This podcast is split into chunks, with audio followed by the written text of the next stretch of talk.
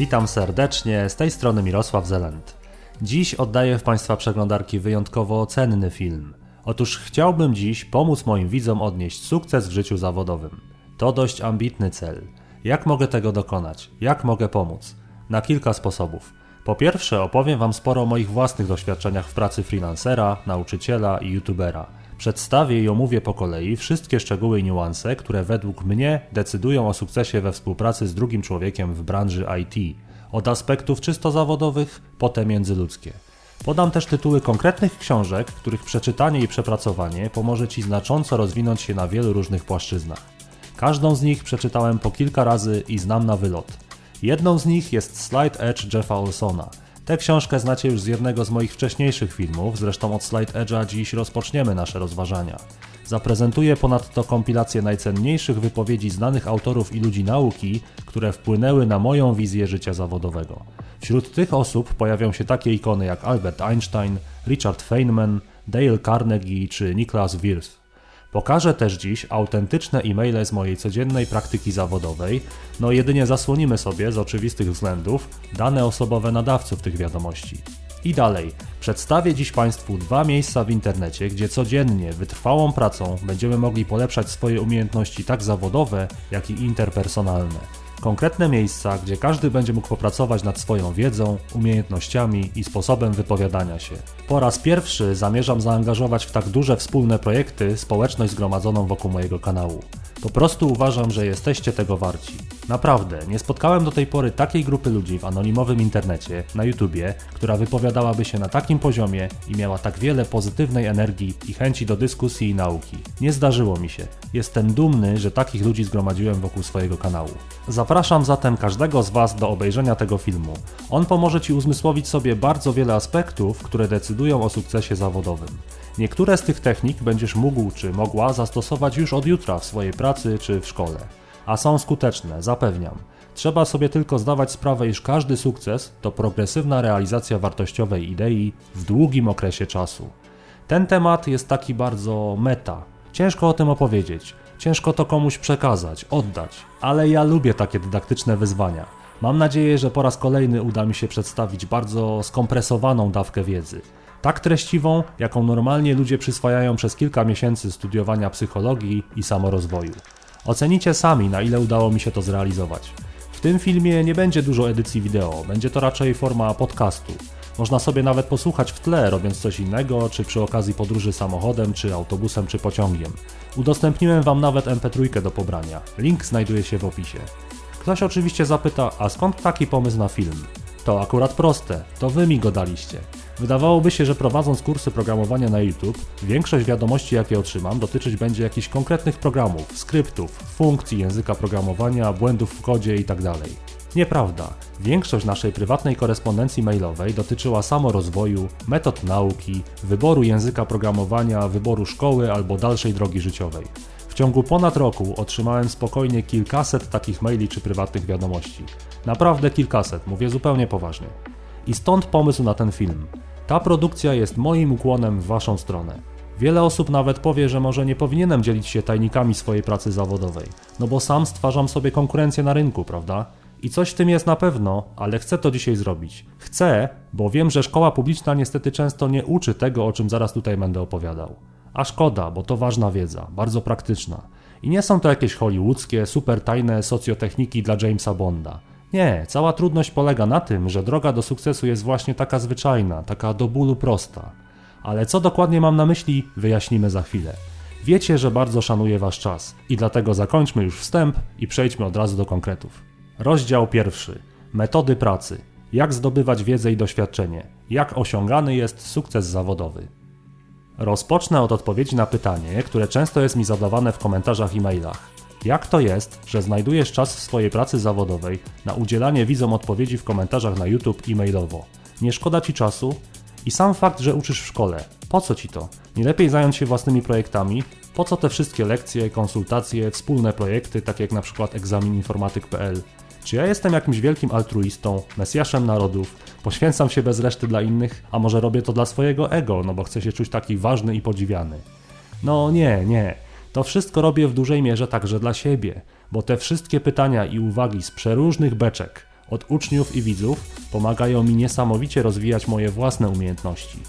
Najpiękniej ujął to Richard Feynman, wybitny fizyk teoretyk, laureat Nagrody Nobla za stworzenie relatywistycznej elektrodynamiki kwantowej, współtwórca amerykańskiej bomby jądrowej w laboratorium w Los Alamos, projekt Manhattan, prawda? Później zajmował się kwantową teorią pola, fizyką cząstek elementarnych, teorią grawitacji, nadprzewodnictwem, a nawet stworzeniem komputera kwantowego i nanotechnologią. Wybitny umysł naszych czasów. I do tego nietypowy profesor, bo mający także zacięcie dydaktyczne. Uwielbiał uczyć. Oprócz tego miał niezwykłe poczucie humoru i osobowość. Otwierał cudze zamki szyfrowe w Los Alamos, flirtował z tancerkami w Las Vegas, grał jak zawodowiec na bębnach w czasie karnawału w Brazylii, rysował piękne akty kobiet, no słowem człowiek renesansu. W książce o tytule Pan raczy żartować, panie Feynman, którą zdarzyło mi się przeczytać, ten wybitny naukowiec zapisał takie słowa. Pozwólcie, że zacytuję w całości. Nie wierzę, żebym mógł się obejść bez uczenia studentów. Kiedy zdarzają się takie chwile, że nie mam żadnych pomysłów i stoję w miejscu, mogę sobie powiedzieć przynajmniej żyję, przynajmniej coś robię, przynajmniej się do czegoś przydaję. To taki psychologiczny chwyt. Kiedy byłem w latach 40. w Princeton, widziałem co się działo z tymi wielkimi umysłami w Institute for Advanced Studies, z ludźmi, którzy zostali wybrani ze względu na swoje wybitne zdolności i teraz mogli sobie siedzieć w tym cudownym ośrodku pod lasem, bez żadnych zajęć ze studentami, bez żadnych obowiązków. Wymarzona sytuacja. Nic im nie zakłóca myślenia, tak? Teraz załóżmy, że przez jakiś czas nie przychodzą im do głowy żadne pomysły. Stworzono im idealne warunki, a oni nie mają żadnych pomysłów. Wydaje mi się, że w takiej sytuacji musicie zacząć zżerać poczucie winy i depresja. Zaczynasz się martwić, że nie masz żadnych pomysłów. Jednak nic to nie daje, nadal żadnych pomysłów. Nic to nie daje, ponieważ jesteś bezczynny i nikt nie stawia ci rzeczywistych wyzwań. Nie masz kontaktu z doświadczalnikami. Nie musisz myśleć, jak odpowiedzieć na pytania studentów. Nic nie musisz. W każdej pracy naukowej zdarzają się takie chwile, kiedy wszystko idzie dobrze i masz wiele świetnych pomysłów. Nauczanie jest wtedy przeszkodą i strasznie się wkurzasz, że musisz to robić. Dłuższe są jednak okresy, kiedy prawie że stoisz w miejscu. Nie przychodzą ci do głowy żadne pomysły i jeżeli nie masz nic innego do roboty, krew cię zalewa. Nie możesz sobie nawet powiedzieć przynajmniej prowadzę zajęcia. Jeżeli prowadzisz zajęcia, to możesz się zastanawiać nad podstawowymi sprawami, które tak dobrze znasz. Jest to znakomita zabawa i nigdy nie zaszkodzi, jeżeli jeszcze raz je przemyślisz. Czy istnieje lepszy sposób ich przedstawienia? Czy są jakieś nowe problemy, które się z nimi wiążą? Czy masz na ich temat jakieś nowe przemyślenia? O sprawach podstawowych łatwo się myśli. Jeżeli nie przyjdzie ci do głowy nic nowego, to nie szkodzi. Wystarczy, że przekażesz studentom to, co myślałeś do tej pory. Jeżeli jednak coś wymyślisz, sprawia ci wielką radość, że potrafisz spojrzeć na te sprawy z nowej perspektywy. To pytania studentów często są bodźcem do nowych badań. Studenci często stawiają dociekliwe pytania, które mnie też kiedyś interesowały, ale odłożyłem je na później. Nie zaszkodzi, jeżeli je znowu przemyślę i zobaczę, czy teraz potrafię posunąć się dalej. Odpowiedź może okazać się zbyt trudna do przekazania studentom, a w każdym razie niektóre jej niuanse, ale zadając mi pytania wokół jakiegoś problemu, przynajmniej mi o tym problemie przypominają. Nie jest łatwo samemu pamiętać wszystkie ciekawe problemy. Uważam więc, że dzięki uczeniu i studentom życie może posuwać się naprzód i nigdy nie przyjąłbym posady sprzyjającej pracy naukowej, na której nie musiałbym uczyć. Nigdy. To już koniec tego pięknego cytatu. Wspomniana książka Pan raczy żartować, panie Feynman, nie jest koniecznie jedną z tych książek z zakresu samorozwoju, o których wspominałem na początku. Nie, to raczej zbiór luźnych anegdot i historii z życia profesora. Jeśli ktoś ma ochotę poczytać, jak wygląda świat widziany oczyma typowej piątki w Enneagramie i rozerwać się po prostu taką luźniejszą lekturą, choć nadal poszerzającą horyzonty, to oczywiście może zajrzeć. Ja dostałem ją kiedyś w święta od Mikołaja. Nie żałuję lektury. Nie jest to może książka wybitna, ale przeczytać warto. Natomiast ten fragment jest fantastyczny. Feynman dobrze wyjaśnił tutaj, co daje człowiekowi nieustanny, codzienny kontakt z różnymi pytaniami i problemami z jednej dziedziny. Te wszystkie pytania i problemy pozwalają mi przede wszystkim zdobyć bardzo gruntowne doświadczenie praktyczne, a także w nowy sposób, z nowego punktu widzenia przyjrzeć się temu, nad czym aktualnie pracuję. Zwróćmy uwagę, dlaczego firmy z różnych dziedzin przemysłu zapraszają na tzw. Tak burzę mózgów ludzi całkowicie spoza swojej branży. No, dlatego, że pracownicy firmy, ludzie z branży już tak długo w tym siedzą, że brakuje im świeżości spojrzenia. Ktoś kiedyś ładnie powiedział: Jest jedna Ziemia, ale 8 miliardów światów, bo każdy z nas inaczej patrzy na otaczającą nas rzeczywistość. Każdy ma inne uwarunkowania, filtry, inne cechy osobowościowe. I nie chodzi o to, że ktoś początkujący w danej dziedzinie nagle wymyśli, jak ulepszyć coś, nad czym ty pracowałeś przez kilka lat. Obojętnie, czy to będzie samochód, czy serwis internetowy ale któraś osoba może zupełnie niechcący powiedzieć coś, co w tobie, który znasz dziedzinę na wylot, wywoła jakieś skojarzenie, jakieś nietypowe nowe połączenie neuronów, które tylko przygotowany ekspert mógłby wymyślić. To tak jak w serialu Doctor House. Nie wiem, czy zdarzyło wam się kiedyś oglądać ten serial. Ktoś z nim rozmawiał, najczęściej to był jego kumpel Wilson, i wypowiedział przez przypadek jakieś zdanie, kompletnie nie mające nic wspólnego z pacjentem House'a, ale dr House, gdy tylko to usłyszał, przestawał słuchać Wilsona, wychodził z pokoju, bo miał gotową diagnozę w głowie. Tej świeżości poszukujemy, tej nowej perspektywy. Często zarzuca się Markowi Zuckerbergowi, twórcy Facebooka, że ukradł komuś pomysł na tego Facebooka. Nie wiem jak było. Jednak moim zdaniem to mogło być właśnie tak, że jego koledzy wypowiedzieli coś, co w głowie Zuckerberga, który znał programowanie i już wcześniej stworzył serwisy CoreSmash czy FaceMash, przekształciło się ostatecznie w Facebooka. Steve Jobs, który projektował słynną siedzibę firmy Apple, to kazał tak stworzyć budynek, żeby ludzie idący do pracy musieli spotykać osoby z innych działów w firmie. Po prostu wszystkie drogi przecinały olbrzymie atrium, a toalety były tak rozmieszczone, żebyś musiał spotykać ludzi z innych działów niż twój. Chodziło właśnie o ten moment konwersacji, twórczą iskrę. Ktoś coś powie, a w twojej głowie robi się boom, headshot, że też ja nigdy wcześniej o tym nie pomyślałem. Yy, sorry, muszę lecieć, właśnie na coś wpadłem. Jak myślicie, dlaczego w firmach koderskich udostępnia się ludziom tak zwane restroomy? Miejsca, gdzie mogą pograć w bilarda, na konsoli, poćwiczyć fizycznie, zjeść coś, pogadać. Czy chodzi o to, że programiści to po prostu snoby i chcą pokazywać wszystkim wokół, jaki mają high life? No nie, chodzi właśnie o ten moment rozmowy, świeże spojrzenie, interakcję z drugim człowiekiem, który podąża innymi ścieżkami niż ty. Czasem ktoś wprost ci powie: What are you fucking nuts? Jak ty to robisz? Możesz od razu tutaj podpiąć to, połączyć z tym i gotowe. A ty patrzysz na to i mówisz: Wow. Ten dźwięk to był facepalm. Oczywiście kiedy indziej to ty spełnisz dla tej drugiej osoby rolę takiej twórczej iskry. Uczniowie też są bardzo zabawni i kreatywni. Jeżeli na przykład źle sformułujesz zadanie na sprawdzianie czy kolokwium, to oni z radością udzielą przewrotnej odpowiedzi. Ale też nie chodzi tylko o twórcze gorączki, chodzi też o rzeczywiste umiejętności zdobywane w długim okresie czasu, czyli klasyczny slide edge. Jeżeli metoda pracy o nazwie Slide Edge nie jest Ci znana, to odsyłam Cię do mojego filmu na ten temat. Link znajduje się w adnotacji i opisie tego filmu. W skrócie można powiedzieć tak. W metodzie Slide Edge chodzi o powtarzanie drobnych aktywności, ale przez długi, długi okres czasu.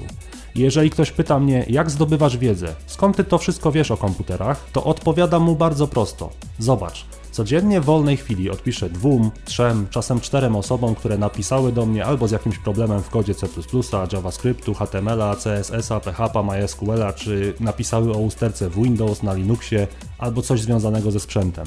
Mój uczeń ma jakiś problem, albo mój widz z YouTube'a napisał, albo jakiś klient, u którego coś realizowałem jako freelancer. To są najczęściej jakieś drobne kwestie, mogą być naprawdę malutkie, choć oczywiście czasami bywają stosunkowo złożone. Załóżmy, że każdego dnia pomogę trzem osobom. I to nie jest tak, że poświęcam swój czas na rodzinę, trening fizyczny czy relaks i lekturę. Nie, robię to przy okazji, mając przerwę między zajęciami, będąc w jakiejś poczekalni, czy w pociągu, autobusie, samochodzie, czekając w korku, czy w kolejce z telefonem. Trzy problemy dziennie.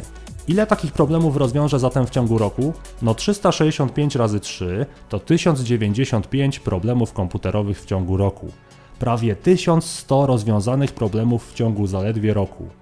Nie ma więc co dziwić się, że jestem stosunkowo biegły w komputerach, że jestem doświadczony, bo naprawdę widziałem już wiele przeróżnych sytuacji i nietypowych zachowań różnorakiego oprogramowania i sprzętu. Zobaczcie statystyki z mojego Gmaila.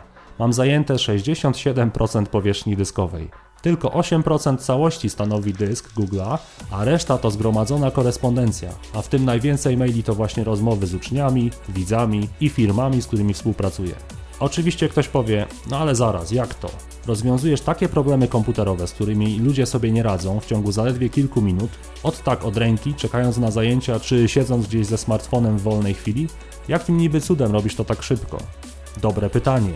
Na początku oczywiście byłem w stanie rozwiązać może jeden problem na trzy dni. Od tego zaczynałem. I nie zawsze była to informatyka, często matematyka. Ale zauważmy jedną rzecz. Ja mam już za sobą spokojnie powyżej 10 lat takiego treningu, więc teraz radzę sobie błyskawicznie. Kiedyś tak łatwo oczywiście nie było. Najgorzej jest zacząć, a im wcześniej ktoś zacznie, tym lepiej. Ale tak czy inaczej, Jak już przepracujesz rok, dwa i rozwiążesz lub przeczytasz rozwiązanie chociażby kilkuset różnych problemów komputerowych, to automatycznie uczyni to z ciebie chodzącą praktyczną kopalnię wiedzy na temat komputerów. To jest cała siła Slide Edge'a. Drobne aktywności, ale powtarzane przez długi okres czasu.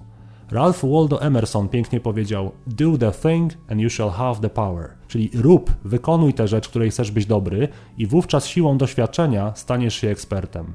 Nie ma drogi na skróty, trzeba swoje przepracować. Najfajniej to widać podczas moich zajęć w szkole, gdzie uczę na przykład programowania w C++, JavaScriptie czy PHP. Po paru latach uczenia kilkuset osób kodowania, ja jestem autentycznie w stanie dosłownie przewidzieć, gdzie dana osoba pisząca po raz pierwszy program zrobi błąd. Serio.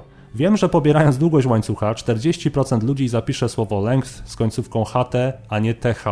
Wiem, że przy ifach połowa ludzi stawia średnik zaraz po warunku. I tak dalej, i tak dalej. Przykłady można by mnożyć. I taki uczeń woła mnie do stanowiska i mówi: Poddaję się, nie wiem co tu jest nie tak, to jest bez sensu. A ja rzucam okiem i po sekundzie mówię mu: Masz błąd tu, tu i tu. I wyjaśniam oczywiście naturę wszystkich błędów, a uczeń się dziwi, jak to możliwe, że facet w ciągu 10 sekund zobaczył, co jest nie tak w moim kodzie, którego ten facet wcześniej w ogóle nie widział na oczy i który ma powiedzmy 150 linii i poprawił wszystko od ręki. A nie ma w tym żadnej magii. Nie ma to w ogóle nic wspólnego z inteligencją czy potencjałem intelektualnym. To tylko kwestia doświadczenia. Widziałem już setki, jeśli nie tysiące takich kodów. Uczyłem całą masę ludzi pisać takie kody. Wiem też dokładnie, w których miejscach uczniowie zazwyczaj mają problemy ze zrozumieniem tematu. Wiem też, w którym miejscu ja sam miałem problem. I tyle. To jest wypracowane slide edge'em, drobnymi, ale regularnymi aktywnościami w długim okresie czasu. Chcesz być w czymś dobry? Pracuj. Codziennie, choć trochę, ale regularnie. To jest naprawdę tak proste. I w branży IT działa to w 100% przypadków. Zapewniam. Oczywiście zdaję sobie sprawę, że nie każdy z nas ma swoich uczniów, nie każdy jest freelancerem i nie każdy z Was działa na YouTubie. Zapytasz zatem, kto niby ma mi zadawać te wszystkie pytania i zadania do rozwiązania? No, dziś właśnie chcę Ci pokazać dwa miejsca w sieci, gdzie będzie można, kiedy tylko mamy ochotę, w wolnej chwili, albo zadać komputerowe pytanie, albo samodzielnie odpowiedzieć na takie, które zadał inny użytkownik. Ewentualnie trzecia opcja, możesz przeczytać takie pytania i odpowiedzi, które cała społeczność uznała za wyjątkowo interesujące. To też rozwija. Dodatkowo te fora, które wskażę, to będą miejsca, w których będzie można za te wymienione aktywności zdobywać punkty, odznaki i rangi. Będzie to też okazja nawiązać ciekawe kontakty z innymi pasjonatami w tej branży, w tym ze mną, oraz nawet wygrywać nagrody.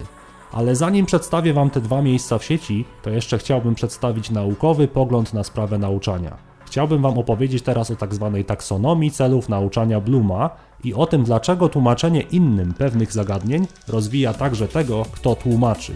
System nazywany taksonomią celów nauczania Bluma pięknie pokazuje, jak się uczymy. Najniższym poziomem w taksonomii jest wiedza. Najłatwiej ją zdobyć i prawie że nic ona nie daje. Biblia ładnie mówi: wiedzy zabraknie. Na przykład, gdybym zapytał kogoś, co to jest pi, to najczęściej ludzie odpowiedzą: no pi 314 liczba. To jest wiedza. Ale jak zapytam, no dobra, 3,14, fajnie, ale co to jest pi? Jak ci pokażę to koło, to jak wyznaczysz pi?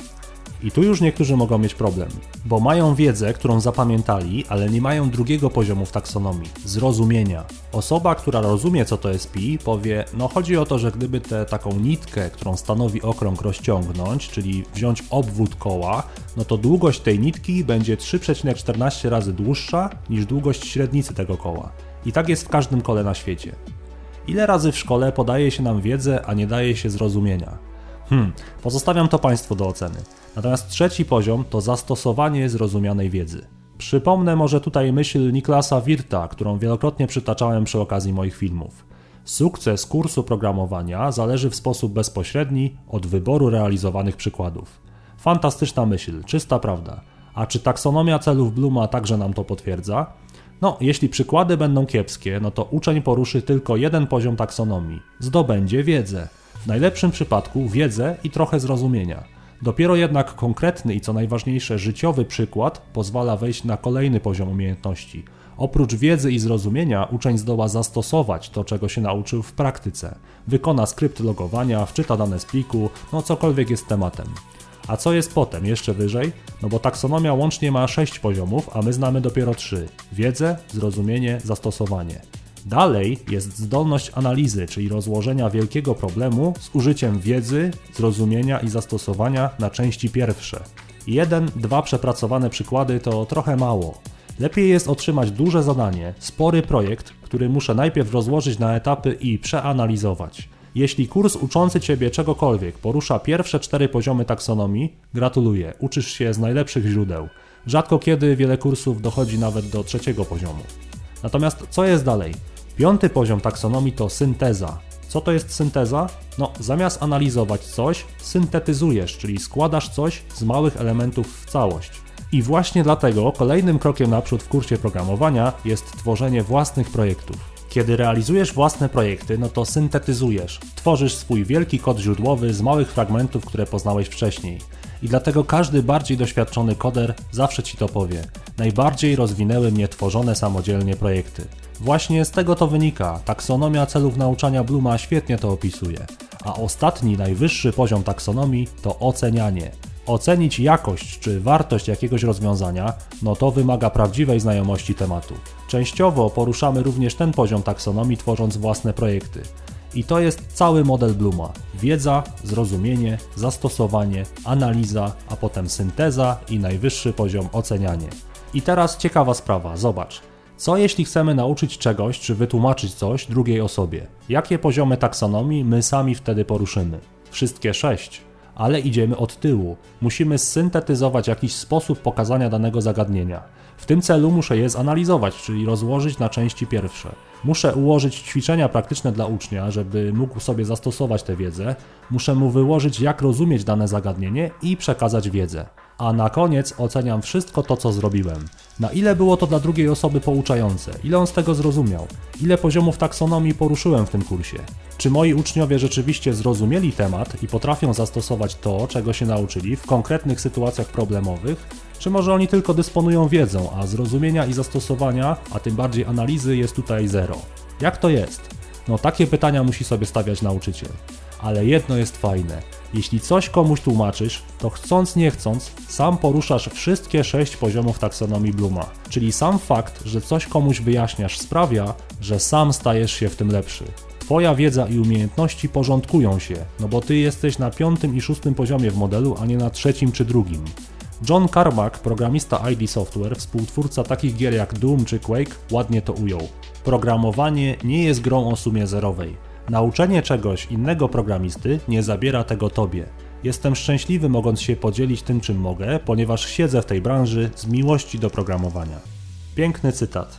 I to nie są jakieś pobożne mrzonki ani filozoficzne wywody. On ma rację, on to zrozumiał. Ucząc kogoś czegoś, przekazując mu to, wchodzisz na najwyższe poziomy taksonomii celów nauczania. To nauczanie nie zabiera niczego tobie. Nie, to pomaga także tobie, bo wchodzisz na piąty i szósty poziom. Rzadko kto lata tak wysoko. I dlatego warto odpowiadać na problemy ludziom, tłumaczyć im coś. To nie jest przejaw tylko altruizmu, to także przejaw zdrowego egoizmu i po prostu ewolucji swoich własnych umiejętności. Albert Einstein ujął to, o czym tutaj mówię, najpiękniej w jednym zdaniu. Posłuchajcie tego. Jeżeli nie potrafisz czegoś prosto wyjaśnić, to znaczy, że niewystarczająco to zrozumiałeś. Idealnie wyrażone, trafił w samo sedno. Jeszcze jedna taka mała prywata do nauczycieli. Jeżeli masz w grupie ucznia zdolnego, któremu nie jesteś w stanie z jakichś powodów zapewnić stymulujących go projektów i zadań, to przynajmniej zaangażuj go w tłumaczenie tego, co już sam zna, rozumie i stosuje, innym, słabszym, czyli mniej zainteresowanym przedmiotem uczniom.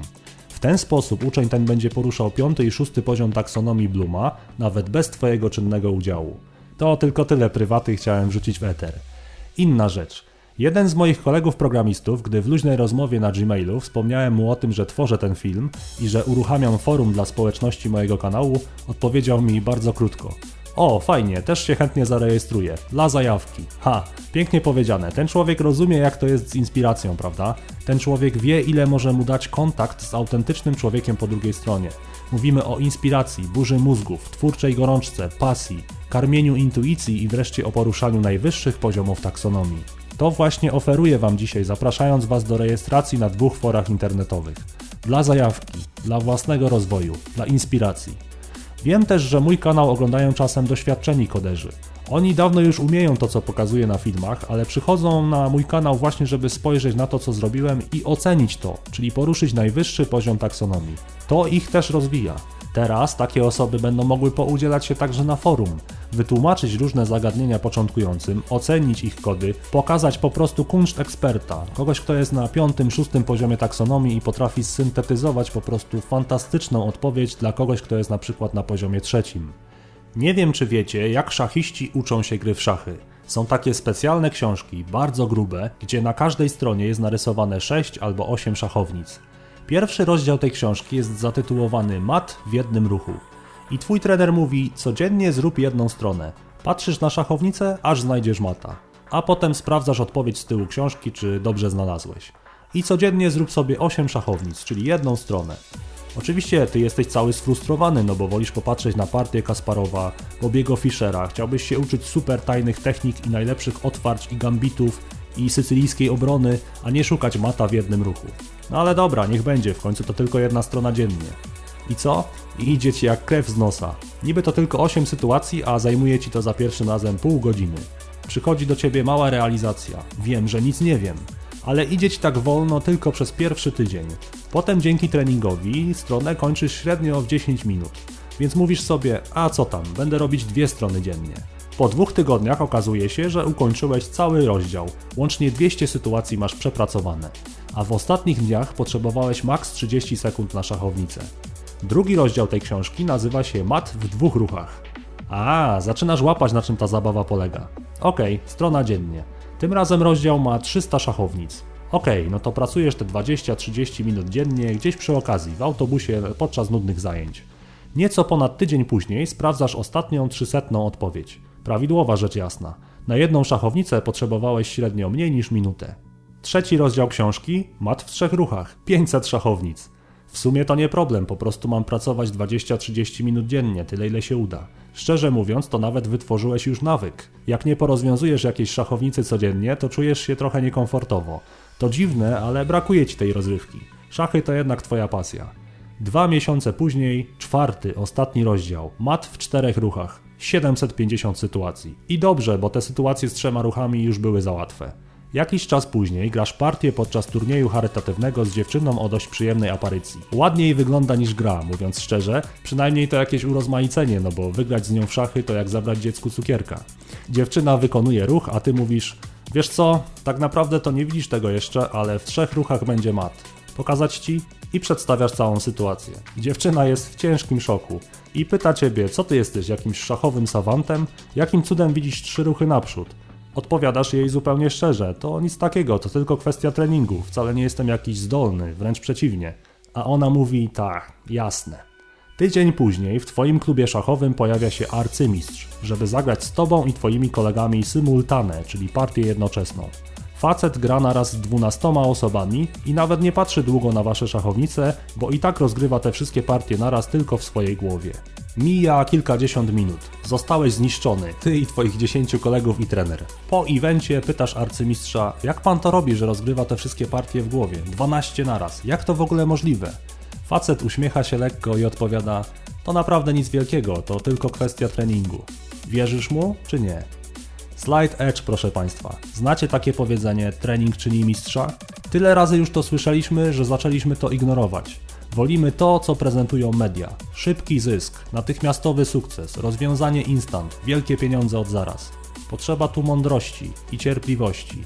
Tak wiele osób mówi sobie: OK, od teraz biorę się za siebie, będę pracować, będę się uczyć, kupię książki, będę super specjalistą. A dwa miesiące później są już zniechęceni, bo myśleli, że zawojują świat. Dwa miesiące, rok, dwa lata, dopiero wtedy możemy coś chcieć podsumowywać. Popatrzmy na YouTube. Shay Carl, osoba, którą znamy z filmu o bieganiu, który wykorzystałem w materiale na temat Slide Edge'a. Facet, którego kanał z codziennymi vlogami parentingowymi o nazwie Shay Tarts ma na chwilę obecną 3 miliony 300 tysięcy subskrypcji. Każdy jego film osiąga 700 tysięcy wyświetleń w ciągu kilku dni. Shay był współzałożycielem firmy Maker Studios, którą Disney odkupił od niego w zeszłym roku za 500 milionów dolarów. Sprawdźmy, ile ten facet, również znający i mówiący otwarcie o stosowaniu Slide Edge'a, wrzucił na swój jeden kanał vlogów w ciągu 6 lat działalności. 2196 filmów. Ile jest 6 razy 365? 2190. Przypadek? Kiedy ja zaczynałem kurs C++ na YouTubie, to miałem może 100 subskrybentów, nawet nie. A moje filmy, wszystkie razem, miały łącznie 8000 wyświetleń. Po ponad roku Slide Edge'owej działalności, codziennie przybywa mi 100 nowych subskrybentów, a 8000 wyświetleń wszystkich filmów to mam w ciągu dnia. Czy osiągnąłem to inaczej niż Slide Edge'owo? Ci, którzy są tu ze mną od początku, pamiętają jak zaczynałem i na własne oczy mogą zobaczyć siłę regularnych, drobnych aktywności powtarzanych w długim okresie czasu. Oczywiście ja youtuberem jestem tylko okazjonalnie, wrzucam coś średnio raz na dwa tygodnie. Gdybym wrzucał filmy częściej, to ten rezultat na pewno byłby jeszcze lepszy. Slide Edge zawsze działa, bo człowiek to taki samo korygujący się system i do tego bardzo plastyczny. Trening zawsze stanowi bodziec do poprawy, która następuje stale, ale małymi krokami. Jakbym zapytał Marcina Choreckiego, ile rozdań pokerowych zagrałeś w życiu, co by mi odpowiedział? Albo Michała Karmowskiego bym zapytał, ile powtórzeń na przykład ćwiczeń na biceps wykonałeś w życiu. Tomka Kopyra mógłbym zapytać, ile piw zdarzyło Ci się degustować. Pawła Korzeniowskiego, ile długości basenu olimpijskiego przepłynąłeś w życiu. Albo Remigiusza Maciaszka, ile godzin spędziłeś grając w gry komputerowe. No listę można ciągnąć w nieskończoność. Zasada jest prosta. To, co robisz wytrwale, codziennie, regularnie, to, co jest Twoją pasją, no bo tylko pasjonat robi to, co robi tak dużo razy wciąż od nowa, bez znudzenia i obrzydzenia, no to w tym stajesz się dobry. W tym mało kto Ci dorówna. I to tyle, jeżeli chodzi o pierwszy rozdział.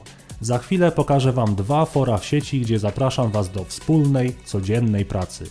To, co tu opisałem, ciężko od razu przyswoić. To wnioski, jakie płyną z mojej kilkunastoletniej pracy koderskiej i kilkuletniej pracy nauczyciela. YouTube też sporo mi dał, choć to tylko nieco ponad rok, jak tu jestem. Obejrzyj ten film kilka razy, zrób notatki.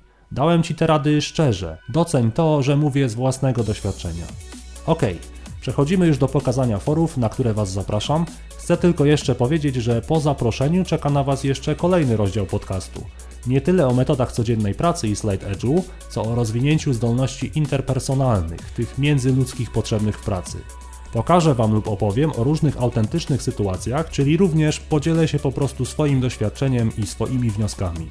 No to teraz, gdy już wiecie, dlaczego warto rozwiązywać komputerowe problemy i dlaczego tłumaczenie czegoś rozwija także nauczyciela, to przejdźmy do mojego zaproszenia dla Was, a w zasadzie dwóch zaproszeń. Rozdział drugi. Zaproszenie do wspólnej, slide edge'owej pracy nad swoimi umiejętnościami, nad rozwijaniem pasji. Przedstawiam Wam dwa nowe miejsca w sieci, gdzie wszyscy będziemy mogli uzyskać stały dostęp do ciekawych pytań z zakresu informatyki oraz gdzie będziemy mogli sporo podyskutować o różnych zagadnieniach z zakresu programowania bądź sprzętówki. Pierwsze forum, typowo koderskie, ma adres forum mirosławzelend.pl forum.mirosławzelend.pl to jest miejsce w sieci stricte dedykowane programowaniu. Ktoś zapyta, no ale po co tworzyć forum dyskusyjne? Przecież dyskutować można w komentarzach na YouTube.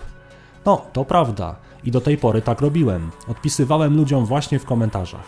Ale, czy zauważyliście, że komentarze na YouTube nie są w zasadzie wcale indeksowane w Google? Czy zdarzyło Ci się kiedyś wpisać jakieś pytanie na temat C w Google i znaleźć czyjąś odpowiedź w ramach komentarza na YouTube? No, to nie działa, prawda?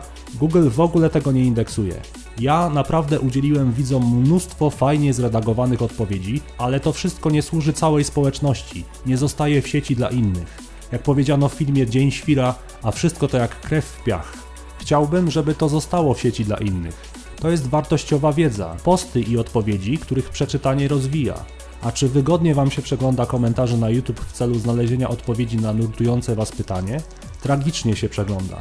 Nic nie można znaleźć. Niektóre dłuższe dyskusje są pozwijane i trzeba dopiero kliknąć takiego małego plusa, żeby je zobaczyć. Komentarze na YouTube nie zostały pomyślane do takich rzeczowych dyskusji, prawda? I dlatego potrzebujemy forum.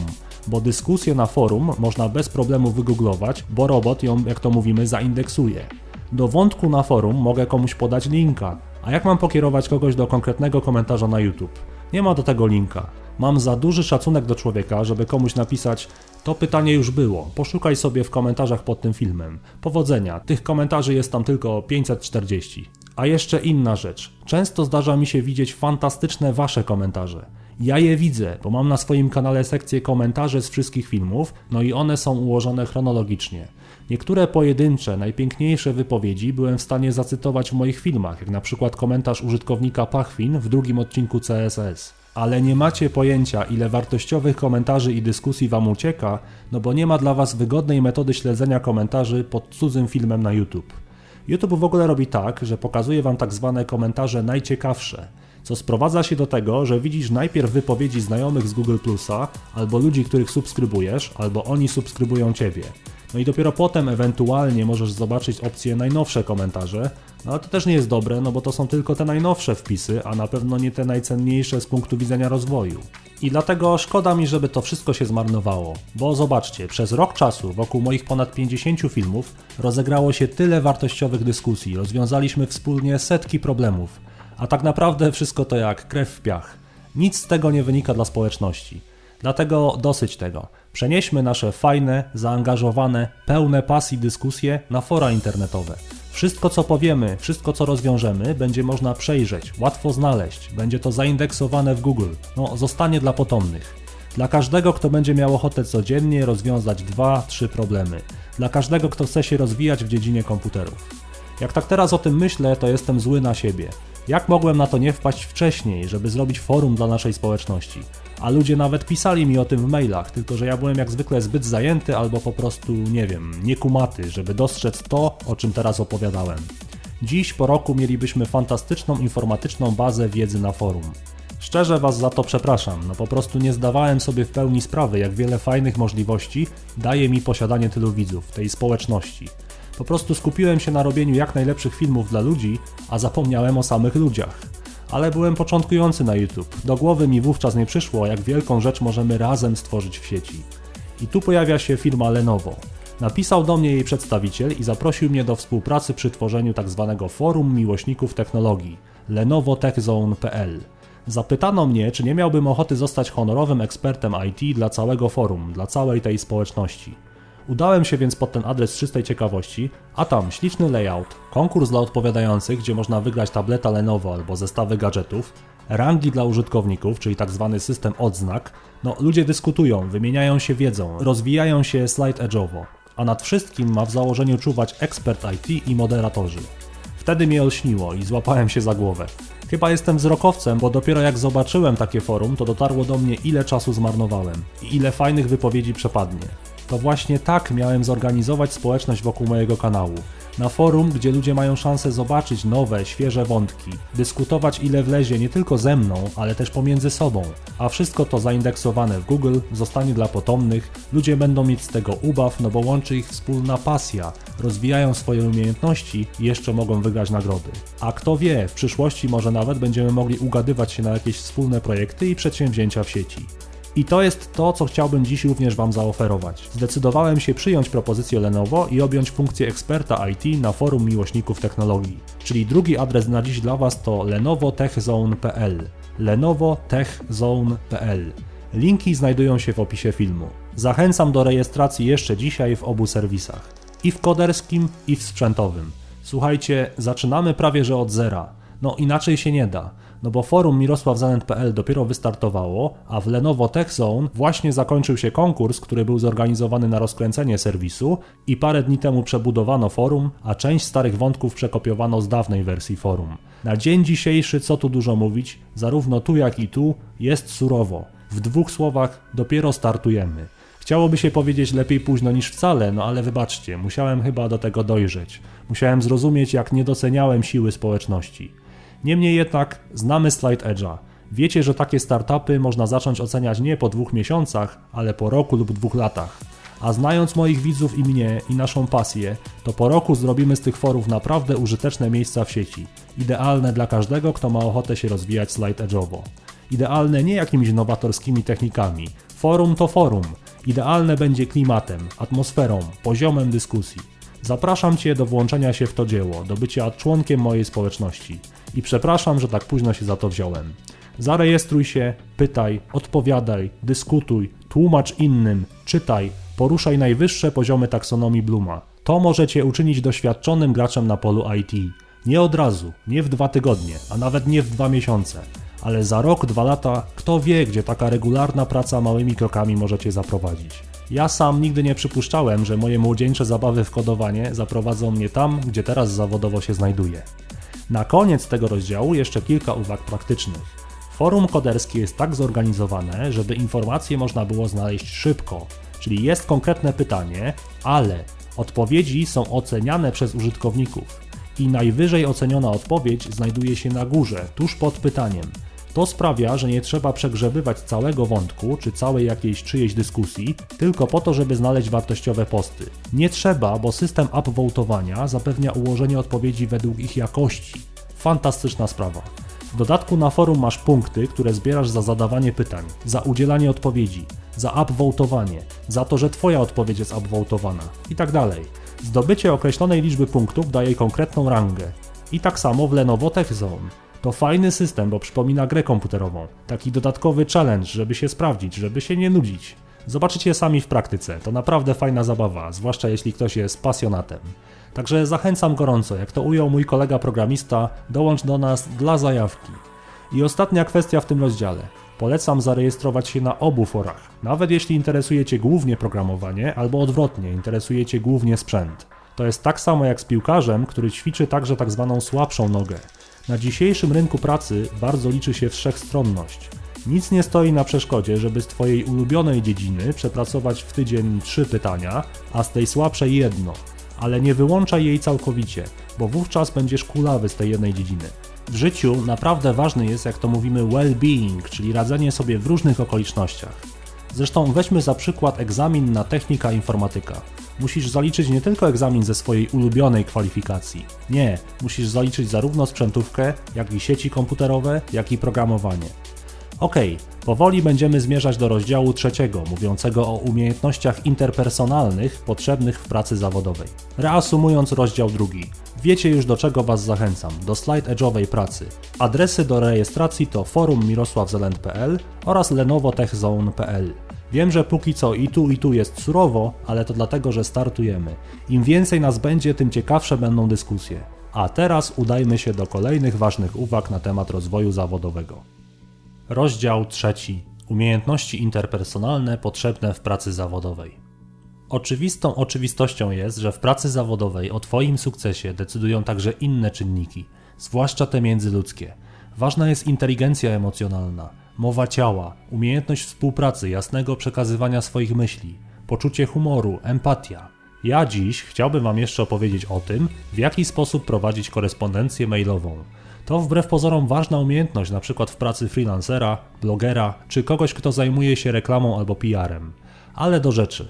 Te uwagi i techniki, które zaraz przekażę, będą w znacznej mierze oparte o książkę pod tytułem How to Win Friends and Influence People autorstwa Dale'a Carnegie'ego. Polski tytuł książki brzmi Jak zdobyć przyjaciół i zjednać sobie ludzi. Jakkolwiek to brzmi, to ta książka to po prostu światowy podręcznik numer jeden na temat jak postępować ze współpracownikami czy klientami i w ogóle z ludźmi. Powiem tylko tyle. Pierwsza wersja tej książki powstała w roku 1936, a po dziś dzień na całym świecie ludzie biznesu czytają ją i traktują jako Biblię na temat jak postępować z ludźmi. Statystyki są niesamowite. Książkę tę, mimo iż tak leciwą, przeczytało ponad 50 milionów ludzi na całym świecie. Przetłumaczono ją na 37 języków. Fantastyczny tekst, ponadczasowa wiedza, naprawdę warto przeczytać i wdrożyć do swoich kontaktów zawodowych od zaraz. Tym bardziej, że książeczkę tę można sobie kupić za 20 kilka złotych. Dziś omówimy sobie jedynie kilka zasad pokazanych w tym tekście, no bo nie chcę okradać autora z jego dzieła, a raczej zachęcić Was do inwestycji w siebie i zakupu tej książki. Ten tekst, jak żaden inny, warto przeczytać od deski do deski kilka razy. To jest jedna z tych książek, które pamięta się latami. Ciekawa jest w ogóle historia powstania tej książki, bo Dale Carnegie prowadził warsztaty dla biznesmenów traktujące właśnie o trudnej sztuce prowadzenia kontaktów międzyludzkich. I pierwsza wersja tej książki zawierała jedynie luźne, wypunktowane uwagi, to było dosłownie kilkanaście stron broszury potrzebnej na warsztatach. I z każdymi kolejnymi zajęciami Dale Carnegie dokładał do książki kolejne opisywane przez jego kursantów sytuacje i przykłady z życia, w których użyli tego, czego się na kursach nauczyli. I książka, przykład po dodawanym przykładzie, kurs po kursie, rozrastała się coraz bardziej, aż osiągnęła obecne rozmiary. Skąd my to znamy? Slide Edge. Facet stworzył tę książkę slide edge'owo, a sam fakt, że ta książka jest wręcz naszpikowana przykładami wziętymi z życia od konkretnych ludzi, sprawia, że podczas czytania poruszamy na pewno co najmniej cztery poziomy taksonomii Bluma. Nie tylko wiedzę, ale i rozumienie z zastosowaniem i analizą konkretnych przypadków. Skoro jakość kursu programowania zależy od wyboru realizowanych przykładów, to może jakość książki na temat sposobów prowadzenia kontaktów międzyludzkich także zależy od wyboru realizowanych przykładów, prawda? Zobaczcie, jak to wszystko, o czym mówiliśmy w poprzednich rozdziałach, pięknie nam się tutaj ujawnia. Życiowe przykłady naprawdę sprawiają, że chce się czytać i że mamy nieotwarte wrażenie, jakby autor otwierał nam oczy na coś, co przecież jest takie oczywiste, ale z czego jednak nie zdawaliśmy sobie świadomie sprawy. Zrób kurs czegokolwiek, ale porusz kilka poziomów taksonomii Bluma. I ludzie powiedzą: Człowieku, masz talent do nauczania, ten kurs jest świetny, teraz rozumiem to czy tamto. A lektura tej książki naprawdę potrafi odmienić życie. Mówię zupełnie poważnie. Zatem od razu przejdźmy do konkretnego przykładu zaczerpniętego z tego tekstu, a potem opiszę Wam też sytuację z mojej własnej pracy zawodowej. Jedna uwaga. Książka ta była napisana w latach 30. XX wieku, więc język może nam się słusznie wydawać trochę staroświecki, ale na to weźmiemy poprawkę, nie ma chyba problemu. Dale opisuje pewien list, który otrzymał jeden z jego kursantów oraz podaje jego reakcję na lekturę listu. Posłuchajmy tego fragmentu książki.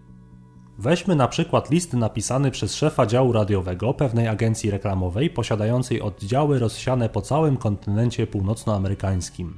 Oto treść listu. Nasza firma pragnie utrzymać swoją pozycję czołowej agencji reklamowej na rynku radiowym. A kogo na Boga obchodzi, czego chce Twoja firma? Facet, ja tu mam swoje własne problemy. Bank zamyka hipotekę na mój dom, mszyce zjadają mi malwy, wczoraj na giełdzie poniosłem stratę. Dziś rano uciekł mi pociąg 15 po 8, nie zaproszono mnie na wczorajsze przyjęcie u Jonesa, lekarz mówi mi, że mam za wysokie ciśnienie, nerwice i łupież. I co się dzieje? Przychodzę dziś rano do biura, zły jak osa, przeglądam pocztę i widzę, że jakiś cwaniaczek z Nowego Jorku truje mi, czego chce jego firma. O, gdybyś tylko wiedział, jakie uczucie wywołuje twój list. Wycofałbyś się z reklamy i zaczął produkować farbę okrętową. Zyski, jakie odnosi nasze przedsiębiorstwo w całym kraju, stanowią solidną gwarancję dla naszej sieci. Właśnie podpisaliśmy nowe umowy dotyczące obecności w Eterze, co plasuje nas pośród najlepszych agencji reklamowych. Jesteś duży, bogaty i na samej górze, tak? I co z tego? Obchodzi mnie to tyle, co zeszłoroczny śnieg. Nawet jak twoja firma jest tak wielka jak General Motors, General Electric i cała armia Stanów Zjednoczonych razem wzięte. Gdybyś miał choć w połowie taki mózg jak Koliber, wiedziałbyś, że mnie obchodzi tylko moja własna wielkość, a nie twoja. Cała ta gadka o własnej wielkości i nieprawdopodobnym sukcesie, jaki osiągnąłeś, powoduje jedynie, że czuję się mały. Pragniemy promować nasze reklamy tuż po wiadomościach radiowych. Pragniecie, pragniecie, dupki. Nie obchodzi mnie, czego pragniesz ty, tak jak nie obchodzą mnie pragnienia prezydenta Stanów Zjednoczonych. Zapamiętaj raz na zawsze, że mnie obchodzą moje własne pragnienia, a ty jak dotąd nie powiedziałeś o nich ani słowa w tym swoim głupim liście. Dlatego też prosimy, aby zechciał Pan umieścić naszą firmę na swojej liście preferencyjnej agencji reklamowych. Wykorzystamy każdy szczegół odpowiednio planując czas antenowy. Lista preferencyjna, ale Ty jesteś bezczelny. Najpierw swoją gadką sprawiasz, że czuję się malutki, a teraz chcesz, abym Cię umieścił na liście preferencyjnej. I nawet nie powiedziałeś proszę. Szybka odpowiedź na nasz list informująca nas o Pańskich najnowszych poczynaniach będzie obu pól niekorzystna. Ty idioto, wysyłasz mi kawałek taniego papieru, który jednocześnie otrzymują tysiące innych w całym kraju i jeszcze masz czelność prosić mnie, kiedy gryzę się hipoteką, malwami i ciśnieniem, żebym podyktował list do ciebie swojej sekretarce. I jeszcze każesz mi to zrobić szybko. A co to znaczy? Czy nie wiesz, że ja jestem co najmniej tak samo zajęty jak ty? A przynajmniej sądzę, że jestem. A skoro już o tym mowa, to kto dał ci prawo mi rozkazywać? Hrabia się znalazł. Mówisz, że to będzie obopólnie korzystne. Nareszcie dostrzegłeś mój punkt widzenia, ale nie wspominasz, jak ja mam na tym skorzystać. Z wyrazami szacunku John Doe, kierownik wydziału. Postscriptum. Z pewnością zainteresuje Pana załączony wycinek prasowy z Wheel Journal i być może zechce Pan nadać go w Pańskiej stacji.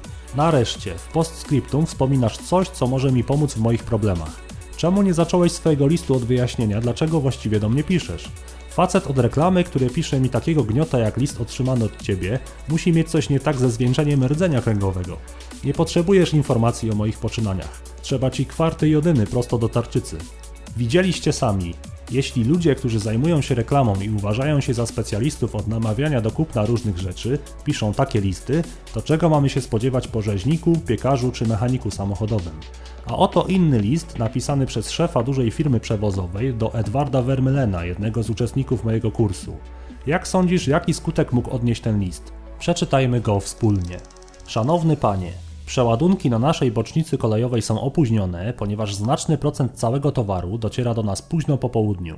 Ta sytuacja prowadzi do gromadzenia się pracy, zmusza nasz personel do nadgodzin, opóźnia transport i w niektórych przypadkach także fracht.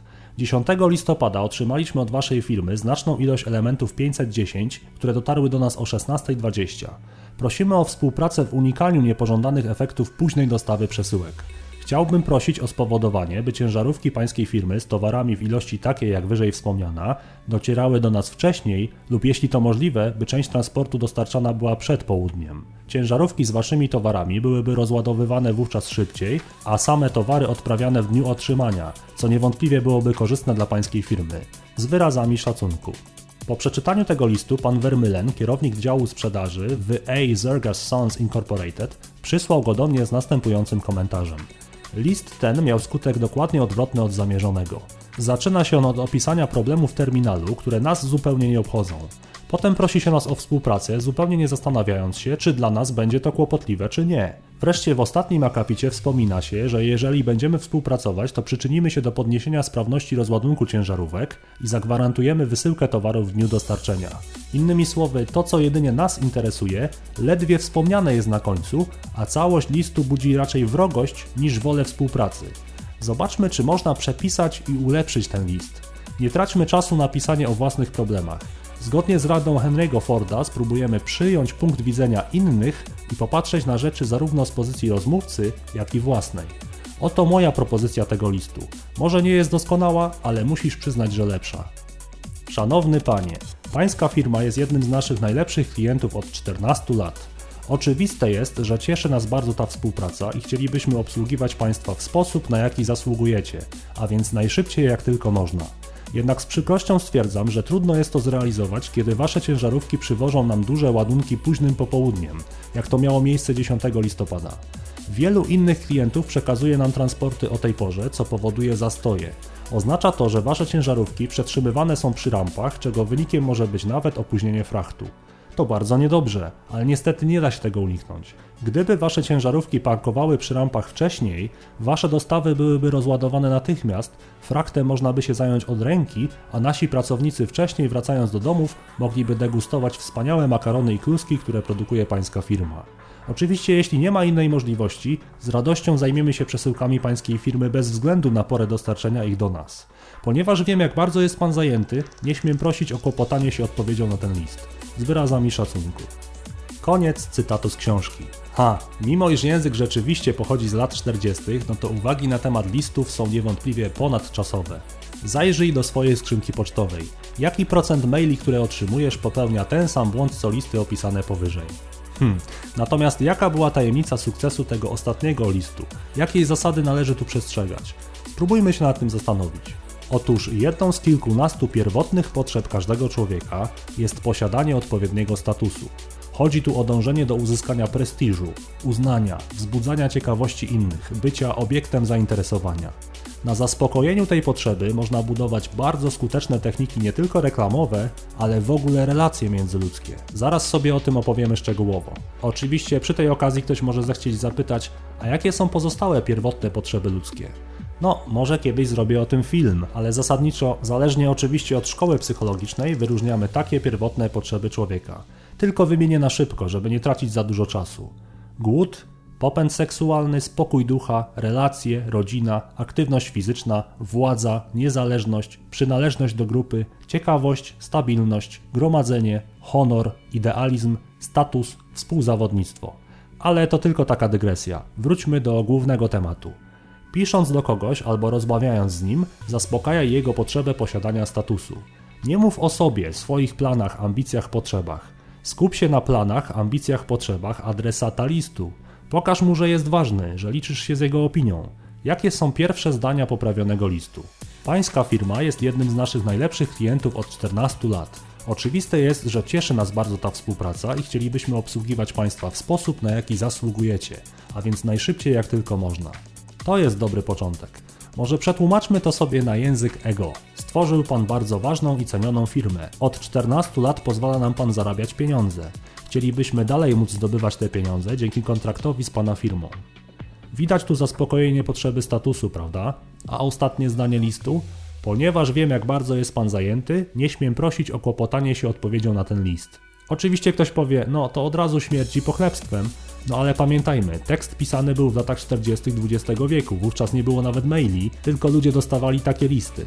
Popatrzmy teraz na bardziej współczesne przykłady z mojej własnej skrzynki pocztowej. To najpierw przykład nieudanego listu. Pewnego dnia otrzymałem maila od pewnej pani z agencji PR-owej. Brzmiało mniej więcej tak. Witam serdecznie. Nazywam się tak i tak i reprezentuję organizację X. Jednym z projektów realizowanych przez nas jest projekt Taki a Taki. Projekt ten jest kierowany do takiej a takiej grupy osób. Inicjatywa ta powstała z myślą o tych osobach, a także ich przyszłym rozwoju. Organizacja nasza działa przy firmie Y, która jest największym zrzeszeniem takich a takich ludzi. Misją organizacji X jest dotarcie z ideą taką a taką do każdej grupy wiekowej. Głównymi odbiorcami projektu są tacy a tacy ludzie. Jako organizacja dostrzegamy deficyt projektów poświęconych tematyce takiej a takiej, skierowanych do tej grupy wiekowej. Uważamy, że w interesie społecznym leży i tak dalej, jeszcze kilka podobnych zdań, tylko i wyłącznie na temat nadawcy wiadomości. Czytam to i czytam i nieuchronnie zadaję sobie jedno pytanie. Co mnie to wszystko obchodzi? Moje malwy jedzą mszyce. Okej, okay, po tej plamie tekstu, z którego nic nie wyniknęło, dostaję takie info. W związku z powyższym zwracamy się z prośbą o promocję naszego projektu na pańskim profilu na YouTube w krótkim filmiku. Zależy nam na tym, ponieważ pozwoli to nam dotrzeć do większej liczby osób. No, klasyk można powiedzieć. Zwróćcie uwagę, jak umotywowano prośbę stworzenia filmu. Zależy nam na tym, ponieważ pozwoli to nam dotrzeć do większej liczby osób. Pozostawmy to bez komentarza. I dalej następuje. Oczywiście dla Pana jest to też promocja na naszym fanpage'u na Facebooku oraz stronie wydarzenia. Co ciekawe, to linka do tego fanpage'a ani strony wydarzenia już nie dostałem. Chyba ktoś uważa, że ja powinienem je sam znać. I dalej był akapit z informacją o finale tego wydarzenia w tym a tym miejscu. To chyba będzie jakaś wielka gala, ale cholera wie, no bo nic nie wyjaśniono. A tak w ogóle to już zgłupiałem. Jak to finale wydarzenia? To mam zachęcać ludzi do udziału w projekcie, który już się kończy? O co tu w ogóle chodzi i co ja miałbym umieścić na filmie? Naprawdę nie wiem. Ostatnie zdanie z maila. Uprzejmie proszę o odpowiedź, niezależnie od tego, czy będzie pozytywna czy negatywna, do dnia tego a tego. Wow. Takie coś przyszło z agencji PR-owej. No, tragedia. Mówicie tylko o sobie, niewiele w ogóle wyjaśniacie, nie dajecie sobie szansy na uzyskanie pozytywnej odpowiedzi od kogokolwiek. Serio. A teraz przykład pozytywny. Gdy opisałem niedawno moje problemy hostingowe na Facebooku, to napisała do mnie przedstawicielka firmy Key.pl. Tym razem ujawniam nazwę firmy, ponieważ zanim zdecydowałem się umieścić list, który zaraz przeczytam w podcaście, to napisałem do jego autorki zapytanie o możliwość jego wykorzystania w tej produkcji. Końcu nie chcę spalić autorce tekstu reklamowego, ani tym bardziej namieszać komuś w biznesie. Sam też jestem osobą dyskretną i dlatego przed publikacją zapytałem o możliwość wykorzystania listu.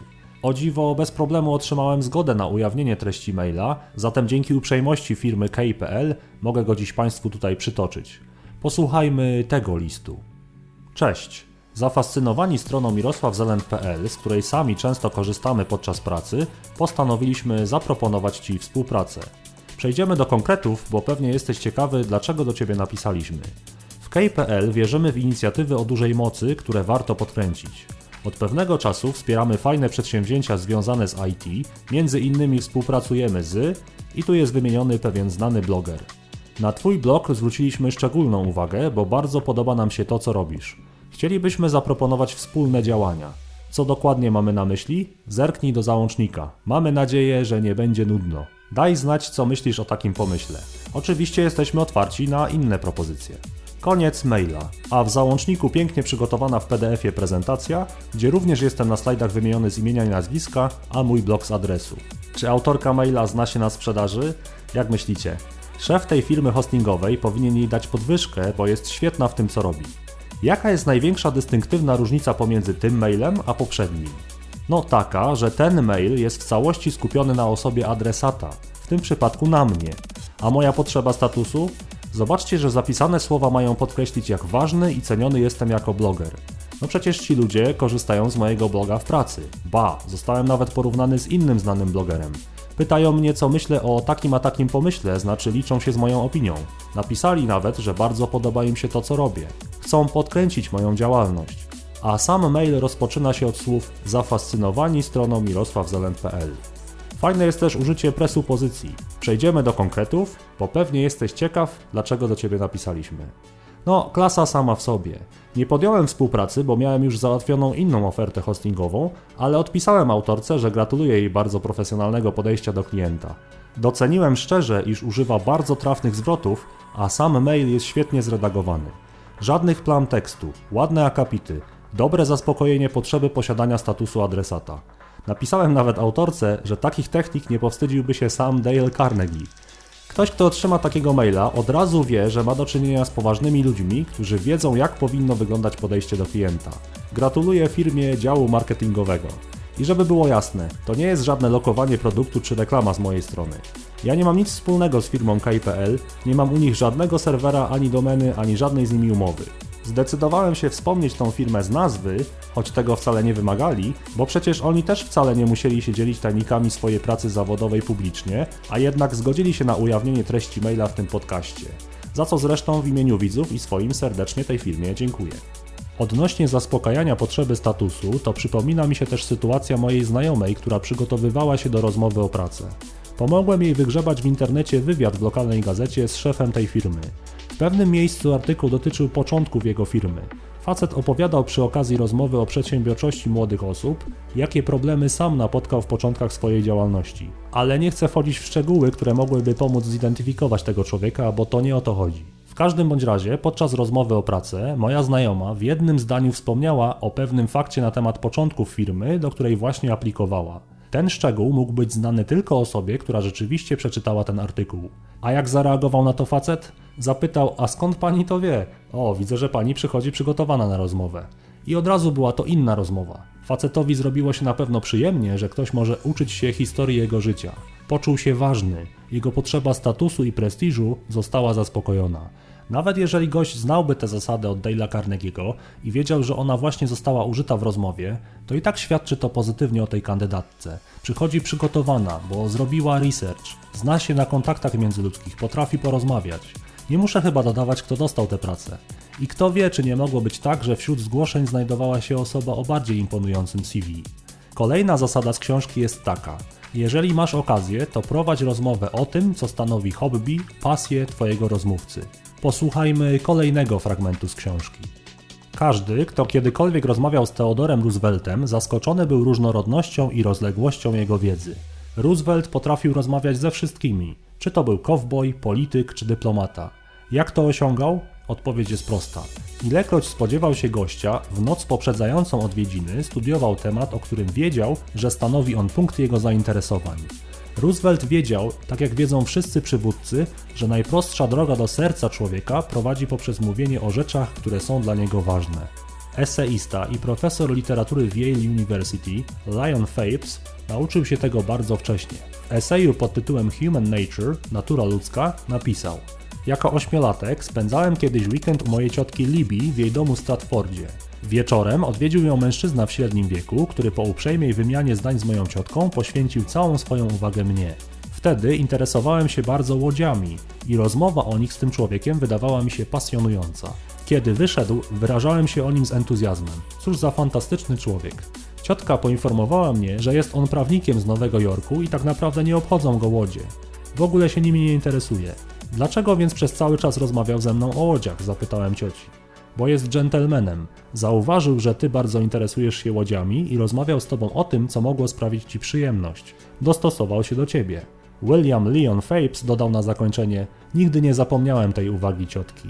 Mam przed sobą list od działacza ruchu skautów Edwarda L. Shalifa. Pewnego dnia potrzebowałem pomocy. W Europie miało się odbyć duże spotkanie skautów i chciałem nakłonić prezesa jednej z dużych firm przemysłowych, aby pokrył koszty związane z zawiezieniem tam moich chłopców. Na szczęście, tuż przed wizytą u niego usłyszałem, że wypisał kiedyś czek na milion dolarów i po jego zrealizowaniu kazał go oprawić w ramki i powiesić na ścianie swojego gabinetu. Natychmiast po wejściu do gabinetu poprosiłem, aby pozwolił mi zobaczyć ten czek. Czek na milion dolarów.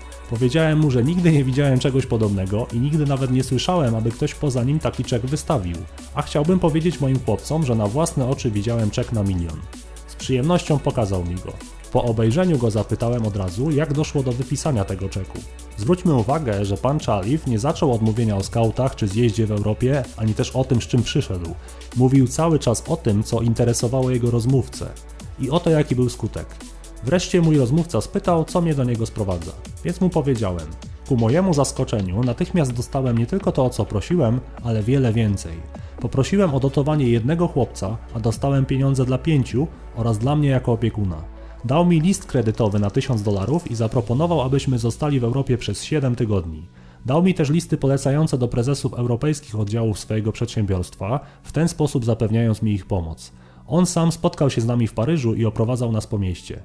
Od tego czasu kilkakrotnie zatrudniał chłopców, których rodzice byli w potrzebie i nadal aktywnie uczestniczy w życiu naszej grupy. Wiem jednak, że gdybym nie wiedział, co go interesuje, gdybym na początku go tym nie rozgrzał, moje zadanie byłoby setki razy trudniejsze. Koniec cytatu z książki. Piękny przykład, prawda? Jeżeli chodzi o moje własne doświadczenie, to posłuchajcie na przykład takiej historii. Pewnego dnia napisał do mnie maila człowiek, który zwrócił mi uwagę, iż w pierwszym odcinku serii PHP, gdzie używam metody POST, nie wspomniałem nic o bezpieczeństwie przesyłania danych tą metodą i atakach typu cross-site scripting. Oczywiście mój małpi mózg i ego natychmiast reaguje w sposób obronny, no bo takie jest zadanie ego i podrzuca mi myśli w stylu tak, wiem, ale to dopiero pierwszy odcinek jest. Jak pragnę zdrowia, to wszystko jeszcze pojawi się w kursie. Na szczęście to tylko ego, a ja praktykuję wiele metod jego poskromienia, ujawniania i umniejszenia. Jedynie pobażliwie uśmiechnąłem się w stronę ego jak do dziecka, które nie rozumie do końca co się dzieje, bo jest zbyt zajęte tupaniem nogami. Zacząłem tłumaczyć sytuację mojemu ego. Zobacz, ten facet chce nam pomóc. Poświęcił swój własny, prywatny czas na napisanie tego maila. Zrobił to, bo tak jak my jest pasjonatem w dziedzinie komputerów. Sam fakt, że ogląda te filmy i że jak napisał jego dziewczyna uczy się z nich podstaw programowania, to niesamowity komplement. Jak myślicie, jaka była moja odpowiedź? Przede wszystkim serdecznie mu podziękowałem za wkład w rozwój kursu. Krótko jedynie wspomniałem o tym, że bezpieczeństwo pojawi się wkrótce u mnie na kanale w tym kursie, nie od pierwszego odcinka, ale niedługo. Natomiast po co w ogóle miałem rozmawiać o mnie? Pogratulowałem od razu temu człowiekowi świetnej witryny, gdzie można znaleźć linki do świadectw acknowledgementu odnalezionych przez niego podatności w serwisach m.in. Apple'a, Onetu, HBO, Heliona, Uniwersytetu Harvarda czy eBaya.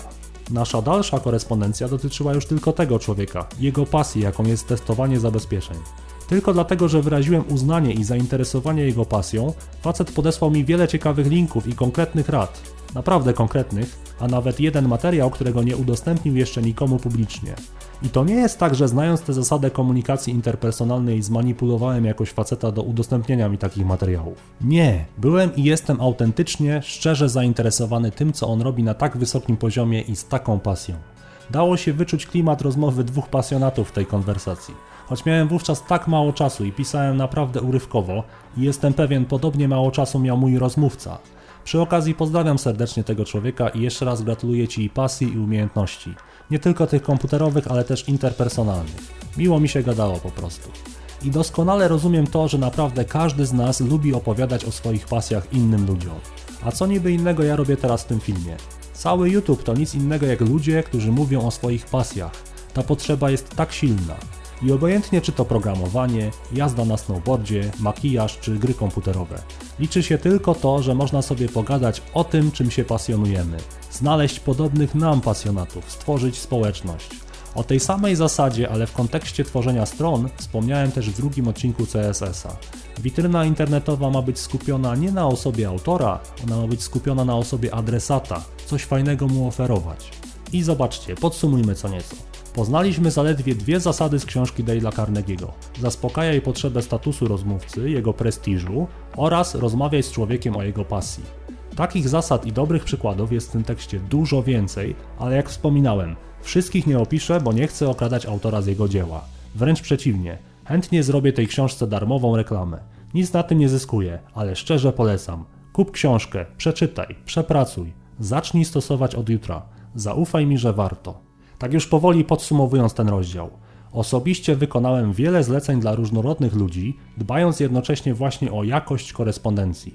Każdy zleceniodawca, który ma ze mną kontakt, ceni sobie moją dyspozycyjność, profesjonalne podejście i po prostu szacunek, jaki mu okazuję. Dając ludziom jakość i szacunek, oni zawsze będą chętnie do ciebie wracać. Staram się też wykorzystywać talent dydaktyczny w kontaktach ze zleceniodawcami. Tłumaczę im różne aspekty działania internetu i oni to doceniają. Czują, że sami się rozwijają i doceniają fakt, że poświęcam czas na wyjaśnienie im tego czy tamtego, choć wcale bym nie musiał. Oczywiście internet daje bardzo duże możliwości poszukiwania pracy freelancerom. Panuje co prawda duża konkurencja trochę mi to niestety przypomina przysłowiowy wyścig szczurów, ale w mojej opinii jednak najcenniejsze są kontakty wypracowane właśnie dobrym komunikowaniem się, dobrym zrozumieniem zasad tutaj podanych. Dlatego nie traktuj korespondencji po macoszemu. Pracuj nad tym, co i jak piszesz, a taka komunikatywność naprawdę będzie solidnym wkładem w Twój sukces zawodowy. Okej, okay, pora kończyć już ten film czy ten podcast. Rozdział czwarty. Podsumowanie. Przede wszystkim fajnie było spróbować nie tylko zdefiniować, ale i opisać te czynniki, które mogą realnie pomóc w sukcesie zawodowym. Udało mi się dziś opowiedzieć o filozofii Slide Edge i nieocenionych pokładach doświadczenia, jakie można uzyskać po prostu pomagając innym osobom w przeróżnych komputerowych problemach. Mogliście też dziś zajrzeć do mojego warsztatu nauczyciela i przekonać się, co to jest i jak działa taksonomia celów nauczania Bluma. Dzięki temu wiemy już dużo więcej na temat, co konkretnie decyduje o tym, czy kurs, zajęcia, wykłady czy książka zapadają w ludzką pamięć, czy też giną w odmętach przeciętności. Na koniec przedyskutowaliśmy i pokazaliśmy na przykładach, jak ważna jest w pracy zawodowej umiejętność właściwej komunikacji interpersonalnej. Mam nadzieję, że ten film okaże się Wam pomocny. Często zarzuca się produkcją z zakresu samorozwoju, że tak naprawdę to głównie tylko gadanie i nic z tego nie wynika. No, w przypadku tego filmu myślę, tak nie jest. Znacie już tytuły cennych książek, które szczerze polecam. To Slide Edge Jeffa Olsona i How to Win Friends and Influence People Dale'a Carnegie'ego. Zajrzyj, przeczytaj, przepracuj. Oprócz tego zapraszam Was, drodzy widzowie, na forum mirosławzelent.pl i lenowotechzone.pl. Stwórzmy wyjątkowe miejsca w sieci. Pracując slide edge'owo możemy stworzyć naprawdę fajne, darmowe bazy wiedzy i miejsca dyskusji dla wszystkich członków społeczności. Czuj się zaproszony czy zaproszona przeze mnie osobiście. Fajnie jeśli do nas dołączysz. Im więcej ludzi, tym więcej perspektyw, tym więcej punktów widzenia. Ten film nie był łatwy do zrealizowania. Jak opowiedzieć komuś o tych zasadach, którymi się kierujesz? Ciężko to komuś oddać, przekazać, ale przyznam, lubię takie wyzwania dydaktyczne. To był mój kolejny eksperyment w sieci. Dajcie znać, jak to Waszym zdaniem wyszło i czy podoba Wam się forma podcastu, gdzie mogę sobie co nieco więcej pogadać na różne tematy. Oczywiście jako dodatek do głównego kontentu od czasu do czasu. Czy macie jeszcze jakieś inne pomysły na filmy, które można by zrealizować? Ktoś niedawno zasugerował mi serię pokazującą stworzenie całej witryny internetowej, albo żebym spróbował wspólnie rozkręcić projekt nowej strony wraz z widzami. To ciekawe pomysły.